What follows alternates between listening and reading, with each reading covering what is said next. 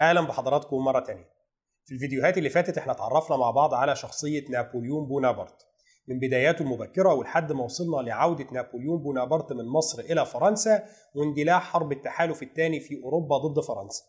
النهارده إن شاء الله هنكمل كلامنا علشان نتعرف على تطورات حرب التحالف الثاني وعلى دور نابليون في فرنسا كقنصل فرنسا الأول.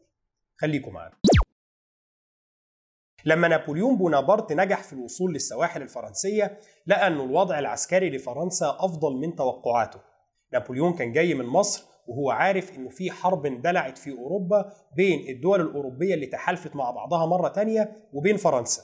والأخبار اللي كانت وصلته هي إنه الجيوش الروسية اجتاحت الشمال الإيطالي وقضت على الوجود الفرنسي هناك وإنها بتستعد للزحف ناحية باريس. طبعا علشان كده نابليون شاف ان فرنسا مهددة بخطر الاحتلال وعلشان كده ساب مصر بمنتهى السرعة وخرج من مصر يوم 24 أغسطس سنة 1799 علشان يحاول يلحق فرنسا قبل سقوطها تحت الاحتلال الأجنبي. ولكن نابليون قضى في البحر أكثر من 40 يوم لحد ما عرف يوصل لفرنسا. خلال ال 40 يوم الوضع كان اتغير تماما. بعد حوالي شهر من مغادرة نابليون لمصر يوم 25 سبتمبر سنة 1799 بتحصل معركة فاصلة في سويسرا ما بين القوات الفرنسية والقوات الروسية.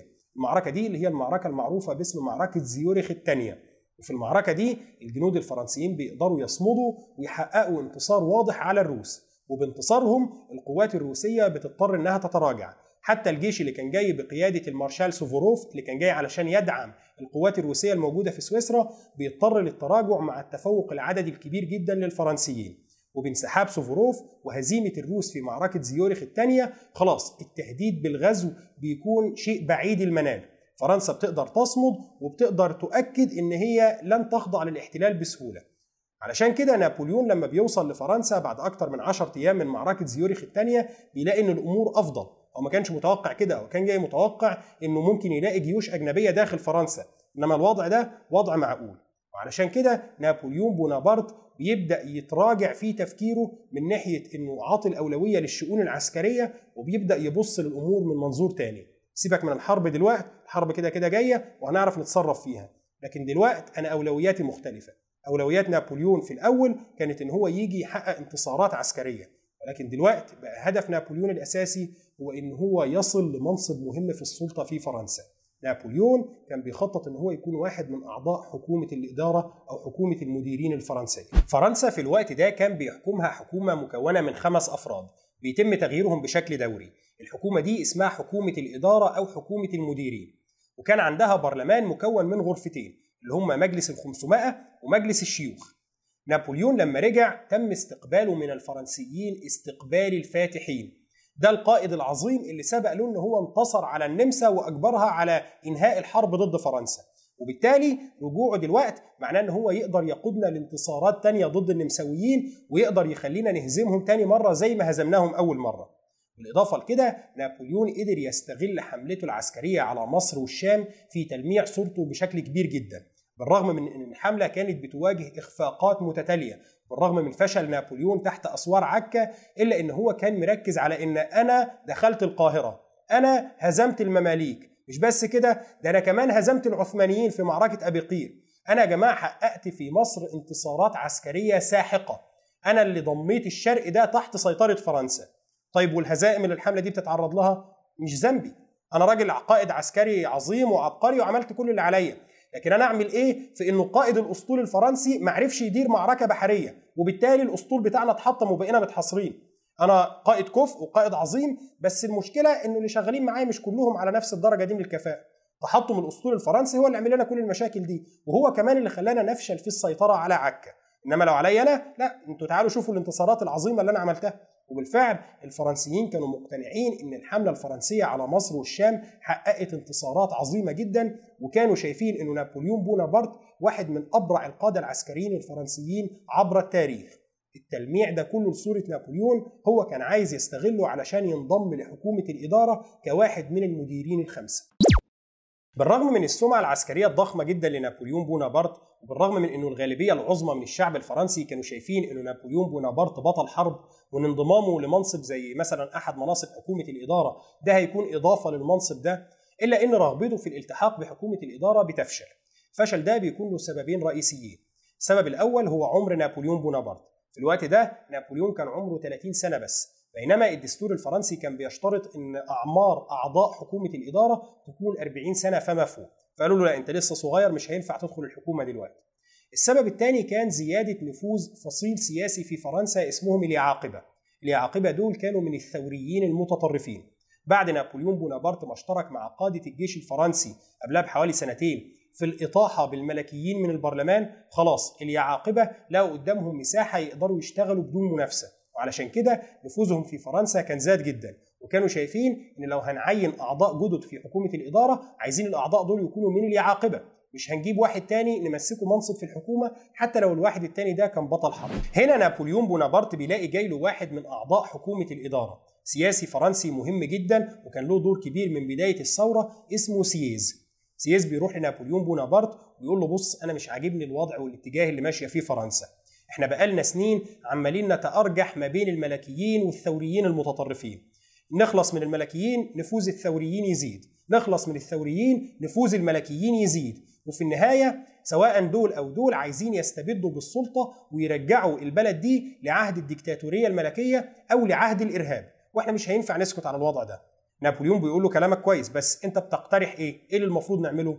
قال له إيه رأيك نشترك سوا ونخطط لترتيبات نظام حكم جديد وحكومة جديدة نغير النظام ده بالكامل؟ طيب إيه المطلوب؟ قال له أنت راجل بطل حرب وليك نفوذ كبير جدا في الجيش الفرنسي وأنا راجل سياسي وعضو في حكومة الإدارة. لو دبرناها مع بعض صح نقدر نخلص من الحكومة دي ونقدر نخلص من البرلمان المسيطر عليه الثوريين المتطرفين ونعمل نظام حكم من أول وجديد. طبعا نابليون بونابرت الحالم بالمجد والعظمة والطامح في الوصول للسلطة بيعجبه الكلام. ماشي أنا المهم عندي إن أنا عايز أكون واحد من حكام فرنسا. الكلام ده بقى يحصل عن طريق إن أنا أنضم لحكومة الإدارة أو عن طريق إن أنا أشيل حكومة الإدارة خالص وأعمل حكومة جديدة أكون عضو فيها مش هتفرق معايا. المهم إن أنا لازم أوصل لمنصب مهم من مناصب السلطة في فرنسا أو ربما أكون أنا حاكم فرنسا. على العموم بعد أقل من شهر على وصول نابليون لفرنسا بيكون تم ترتيب كل شيء. بيتم ترتيب الموضوع ما بين سييز ونابليون وأخو نابليون الصغير اللي هو لوسيان بونابرت اللي كان ماسك رئيس مجلس ال 500 في الوقت ده وزير الداخلية الفرنسي ودبلوماسي فرنسي مشهور اسمه تاليران. وبالفعل يوم 9 نوفمبر سنة 1799 بعد شهر من وصول نابليون لفرنسا بيتم تنفيذ الخطة. هنا بيتم إقناع البرلمان الفرنسي بأنه في مؤامرة وخطر كبير جدا بيهدد الجمهورية الفرنسية. وعلشان كده بيقولوا لهم يا جماعة إدوا لنابليون خطاب تفويض وسلطة مطلقة في فرنسا علشان يدافع عن الجمهورية الفرنسية ويتخذ ما يراه مناسبا من إجراءات. وبالفعل البرلمان بيقتنع وبيدي لنابليون سلطة مطلقة على فرنسا. اعمل اللي انت شايفه صح علشان تدافع عن الجمهورية الفرنسية. بمجرد نابليون ما بيحصل على السلطة المطلقة في فرنسا بيقول لهم خلاص يا جماعة حكومة الإدارة اللي كانت موجودة اتحلت. في أعضاء منها استقالوا وفي أعضاء اتقبض عليهم. وبالتالي أنا حاليا حاكم فرنسا الأوحد. بعد مقاومة محدودة من البرلمان بيتم إجبار مجلس الشيوخ على إصدار مرسوم برفع جلسات المجلس لمدة ثلاث شهور. خلاص يا جماعة إحنا هنعلق الاجتماعات بتاعة البرلمان الفرنسي وخلال الفترة دي اللي هي تعتبر يعني فترة انتقالية هيتم تعيين ثلاث قناصل لحكم فرنسا. الثلاث قناصل دول اللي هم نابليون ومعاه سييز ومعاهم واحد اسمه دوكو. بيقول لهم خلاص أنتوا الثلاثه بقيتوا القناصل المؤقتين لفرنسا لحين إعادة تنظيم الوضع. أنتوا دلوقتي اللي في ايدكم حكم فرنسا. الموضوع ده إحنا اتكلمنا عنه بالتفصيل قبل كده في آخر فيديو من سلسلة الثورة الفرنسية. هسيب لحضراتكم الرابط بتاعه تحت الفيديو علشان اللي حابب يتعرف أكتر على تفاصيل إزاي نابليون وسييز قدروا يخدعوا البرلمان الفرنسي وقدروا يوصلوا للسلطة في فرنسا ويطيحوا بحكومة المديرين. عموما الشارع الفرنسي في الوقت ده ما كانش فيه أي رد فعل على اللي حصل. يعني الناس يا جماعة الحقوا ده نابليون وسييز شالوا حكومة الإدارة. طيب ماشي ما يشيلوه يا جماعة الحقوا البرلمان الفرنسي تم تعليق الجلسات بتاعته وإجبارهم. طب يا جماعة مش مشكلة. يعني إحنا كنا واخدين إيه من البرلمان؟ البرلمان كان بيعمل مشاكل أكتر ما بيحل المشاكل. وحكومة الإدارة صراحة كانت حكومة ضعيفة وفي خلافات كبيرة ما بين أعضائها مخلياها حكومة غير فاعلة.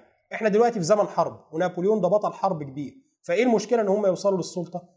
وهنا مع تجاوب الشارع الفرنسي مع الحكومة الجديدة أو على الأقل عدم اعتراضه عليها بيكون واضح إنه خلاص بالفعل الثورة الفرنسية انتهت وإنه نابليون وسييزي يقدروا يعملوا النظام الجديد اللي هم عايزين يعملوه. طيب إحنا دلوقتي بقى عندنا حكومة جديدة مؤقتة لفرنسا مكونة من ثلاث قناصل اللي هم نابليون وسييز ومعاهم دوكو. طيب دي حكومة مؤقتة إحنا محتاجين بقى علشان الوضع المؤقت ده يتحول لوضع دائم علشان نخلص من المرحلة الانتقالية دي نعيد بناء هياكل السلطة في فرنسا.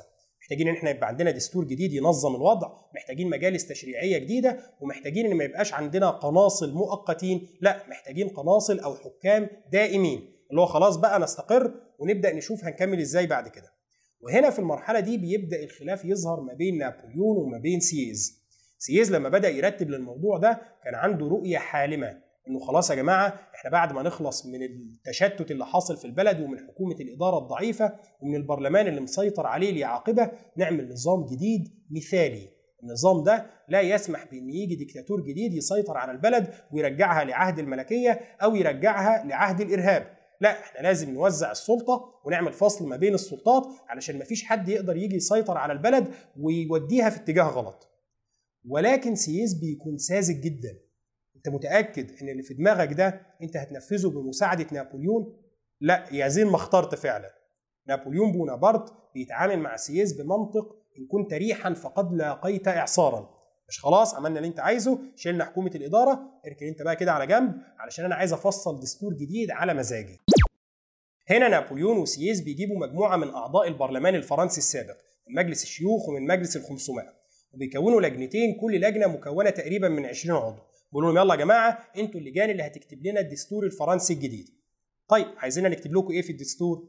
هنا سياس بيتدخل ويقول لهم بصوا إحنا مبدئيا السلطة عندنا مش هتبقى في ايد شخص واحد ولكن السلطة هيتم توزيعها على ثلاث أشخاص. الأشخاص دول هيبقى اسمهم القناصل وهم اللي هيتولوا السلطات التنفيذية في الدولة وهم اللي هيحكموا فرنسا. هنا نابليون بيقول له أيوه فعلا عندك حق. اكتبوا الكلام ده يا جماعة. إحنا السلطة عندنا مش هتبقى في ايد شخص واحد. لا هتتوزع على ثلاث أشخاص منعا للديكتاتورية. بس وانتوا بتكتبوا بس عايزكم تعملوا لي منصب من الثلاث مناصب دول اسمه القنصل الأول.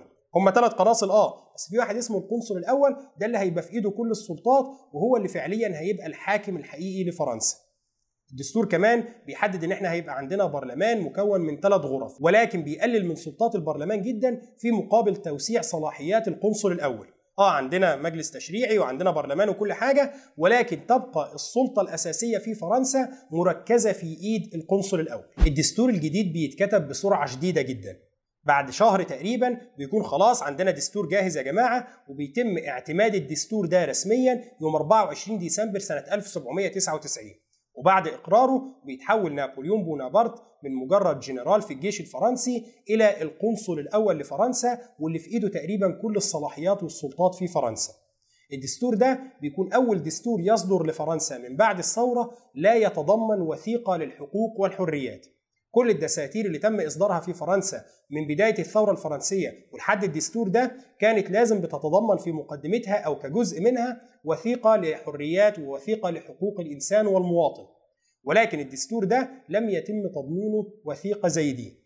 وعلشان يظهر أكتر الشكل اللي هتمشي عليه فرنسا فيما بعد بيتم عمل استفتاء على الدستور ده في شهر فبراير سنة 1800 اللي هو بعدها بحوالي شهرين. الاستفتاء ده اللي بيشرف على اجراءه بيكون هو لوسيان بونابرت أخو نابليون الصغير واللي كان ماسك في الوقت ده منصب وزير الداخلية. وبعد إجراء الاستفتاء على الدستور بيتم إعلان النتيجة بتاعته. النتيجة بتكون إنه في أكتر من 3 مليون فرنسي صوتوا لصالح الدستور الجديد في مقابل 1500 شخص بس رفضوه. وبكده نابليون بونابرت بيعلن إن الدستور ده تمت الموافقة عليه من الشعب الفرنسي بنسبة تتجاوز 99.9% تقريبا دي كانت أول مرة تظهر نسبة زي دي في تاريخ الانتخابات أو الاستفتاءات الحديثة. طبعا كل المصادر التاريخية بتشكك جدا في الأرقام دي وبتقول إن الأرقام دي كانت أرقام مفبركة من لوسيان بونابرت علشان يظهر مدى القبول الشعبي والترحيب بالحكومة الجديدة. طيب بكده نابليون بونابرت نجح في السيطرة على السلطة وضمن لنفسه أهم وأقوى منصب في الدولة الفرنسية اللي هو منصب القنصل الأول. عايزين بقى نركز في الحرب، إحنا دلوقتي عندنا حرب مفتوحة والتحالف الثاني والدول بتاعته بتضرب فرنسا من كل اتجاه، فمش هينفع نفضل مشغولين كتير بموضوع الترتيبات الداخلية والدستور ومش عارف إيه، وإحنا عندنا حرب ممكن تهددنا باحتلال أجنبي. خلاص يلا بينا نركز في الحرب. لكن خلال الكام شهر اللي انشغلت فيهم فرنسا بالترتيبات دي بيكون حصل تطور مهم جدا في الحرب لصالح فرنسا. التطور ده هو انه روسيا قررت تنسحب من التحالف الثاني وتوقف حرب ضد فرنسا. اللي حصل إن القوات الروسية كانت تلقت هزيمة موجعة جدا في معركة زيورخ الثانية اللي حصلت يوم 25 سبتمبر سنة 1799. بعد المعركة دي كمان اضطرت باقي القوات الروسية اللي كانت بتتقدم في سويسرا بقيادة سوفروف إن هي تتراجع وهنا الروس بدأوا يشوفوا إن النمساويين لم يبذلوا جهد كافي في الحرب دي ما بعتوش قوات كافية ومش بس كده لكن القرار اللي تم إصداره لسوفوروف والأوامر اللي صدرت له بإنه خد الجيش بتاعك من شمال إيطاليا وبدل ما تغزو بيه فرنسا روح ساعد القوات اللي كانت موجودة في سويسرا واللي ثبت فيما بعد إن هو كان قرار خاطئ جدا من الناحية العسكرية. الأوامر دي كانت صدرت من مقر قيادة قوات التحالف الثاني المشترك الموجود في فيينا. وهنا بالرغم من إنه بافل الأول قيصر روسيا كان عارف بالأوامر دي وكان مؤيدها في وقتها إلا إنه لما حصلت الكارثة ولقى إن الجيش بقيادة سوفوروف محاصر إن هو اضطر للتراجع بافل الأول قال لك لا الكلام ده ما ينفعش الناس دي بتعك وبيصدروا أوامر غلط. بالرغم من ان هو كان عارف بالأوامر دي ما كانش عنده مشكلة معاها وقتها ولكن لما القوات اتهزمت بدأ يتنصل من الموضوع يقول لا الكلام ده مش نافع. أنتوا بتضحكوا علينا وبتخلوا الجنود بتوعنا هم اللي يموتوا وفي النهاية بتصدروا أوامر خاطئة بتخلي موقف القوات بتاعتنا سيء جدا بالرغم من إن إحنا كان عندنا قائد عسكري زي سوفروف قادر إن هو يحقق انتصار في الحرب. وهنا جت القشة التي قصمت ظهر البعير. مشكلة كبيرة جدا ما بين بريطانيا من جهة وروسيا من جهة ثانية بريطانيا كانت شايفة إن باعتبار إن إحنا عندنا أقوى أسطول بحري في كل الدول المتحالفة دي فالأسطول بتاعنا لازم يساهم في حصار فرنسا. لازم نمنع وصول أي أسلحة أو إمدادات ممكن تساعد فرنسا في الحرب دي. وعلشان كده بريطانيا كانت شايفة إنه من حقها ما دام إحنا في حالة حرب إن إحنا نفتش أي سفن تجارية ماشية في أي مكان بغض النظر عن السفن دي تابعة لأي دولة. ولكن هنا الكلام ده ما عجبش روسيا. روسيا قالوا لهم لا أنتوا تفتشوا السفن بتاعتنا ليه؟ إحنا ناس عندنا السفن بتاعتنا بتجيب لنا إمدادات ولا بتودي من عندنا أي حاجة إحنا أحرار. وبعدين وإحنا مش حلفاء وبنحارب مع بعض في نفس الحرب تفتشوا السفن بتاعتنا ليه يعني؟ الإنجليز ما كانوش مستعدين ابدا للتنازل عن الحق ده. إحنا أي سفينة معدية هنفتشها. يا جماعة ما ينفعش إحنا حلفاء. قالوا له حلفاء مش حلفاء. إحنا لو الملكة معدية دلوقتي هنفتش السفينة بتاعتها. مفيش سفينة هتعدي بدون تفتيش. وهنا مع إصرار بريطانيا على حقها في تفتيش كل السفن بافل الأول بيقول لهم لا أنا مش عاجبني الكلام ده. وأنا المرمطون بتاعكم تاخدوا الجنود بتوعي تموتوهم في المعارك بتاعتكم وحتى السفن بتاعتي مش عاملين لها احترام وعمالين تفتشوا فيها. أنا مش محارب. أنا هسيب الحرب دي وهنسحب منها.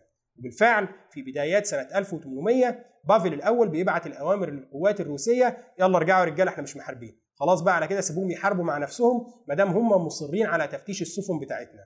وهنا زي ما روسيا دخلت الحرب لسبب غريب برضه خرجت منها لسبب غريب. بالمناسبة بعد الجيوش الروسية ما رجعت مرة تانية لروسيا القيصر الروسي بافل الأول لقى نفسه مضطر إن هو ياخد خطوة ما كانش حابب قوي إن هو ياخدها. الخطوة دي هي تكريم الجنرال سوفروف. إحنا قلنا قبل كده إنه يعني بافل الأول ما كانش بيحب سوفروف قوي لكنه اضطر إن هو يستعين بخبرات سوفروف العسكرية علشان الحرب اللي هو كان داخلها. طيب دلوقتي سوفروف رجع من الحرب دي وهو محقق فعلا انتصارات عسكرية عبقرية انتصارات استثنائية بالرغم من إن هو في النهاية اضطر يتراجع لكن حتى التراجع بتاعه ده كان تراجع يدرس في الكتب العسكرية. وبالتالي الراجل ده أبدع عبقرية عسكرية منقطعة النظير. وعلشان كده بافل الأول لقى نفسه مضطر إن هو يرقيه أو يكرمه. طيب سوفروف في الوقت ده كان معاه رتبة ال field marshal أو المشير اللي هي المفترض إنها أعلى رتبة عسكرية ممكنة في النظام العسكري. هتكرمه توديه فين بعد كده؟ فبافل الأول بيقرر إن هو هيمنحه رتبة جنراليسمو. الرتبة دي المفترض إن هي أعلى من رتبة المشير. رتبة المشير اللي هي تعادل الجنرال أبو خمس نجوم في الأنظمة العسكرية التقليدية. لا دي رتبة أعلى منها اللي هي مثلا زي ما موجود في النظام العسكري الأمريكي رتبة الجنرال أبو ست نجوم. في أمريكا مثلا الرتبة دي حصل عليها اثنين بس في تاريخ أمريكا كله. هنا هو بيقرر إن هو هيمنح نفس الرتبة دي أو المعادل بتاعها للجنرال سوفروف. طيب ده تكريم كويس فعلا وسوفروف يستحقه. ولكن بافل الأول بعد ما بياخد القرار بإنه خلاص إحنا هنرقي الراجل ده للرتبة دي لأنه الراجل ده أبدع عبقرية عسكرية يعني أنا ما أقدرش أقول إن هو لا يستحقها بس أنا ما بحبوش. أنا ما بحبش سوفروف ده والراجل ده تقيل على قلبي. فبيقوم استكمالا لسلسلة التصرفات العجيبة بتاعته بيقرر إن آه هو خد الرتبة دي بس الحفل اللي كان مفترض إن إحنا نمنحه فيها الرتبة دي ونكرمه ونعمل له مش عارف إيه خلاص إحنا هنلغي الحفل ده. يعني مش خلاص خدت الرتبة روح بقى شوف لك حتة اقعد فيها. مفيش حفلة ومفيش تكريم في القصر. بعد سوفروف ما بينسحب للظل كام شهر بعد رجوعه بيطلب مقابلة بافل الأول. ولكن هنا القيصر بافل الأول بيرفض مقابلة سوفروف. الراجل ده عايزني في إيه؟ شوفوا له حتة يقعد فيها مش محتاجينه دلوقتي. ومع طلب الإذن المتكرر ورفض بافل الأول المتكرر سوفروف بيفشل في إن هو يقابل قيصر روسيا بافل الأول. في النهاية في شهر مايو سنة 1800 اللي هو بعد رجوع سوفروف من المعارك بتاعته دي بكام شهر بيموت سوفروف متاثرا بمرض في نقطة أخيرة متعلقة بالدور الروسي في حرب التحالف الثاني.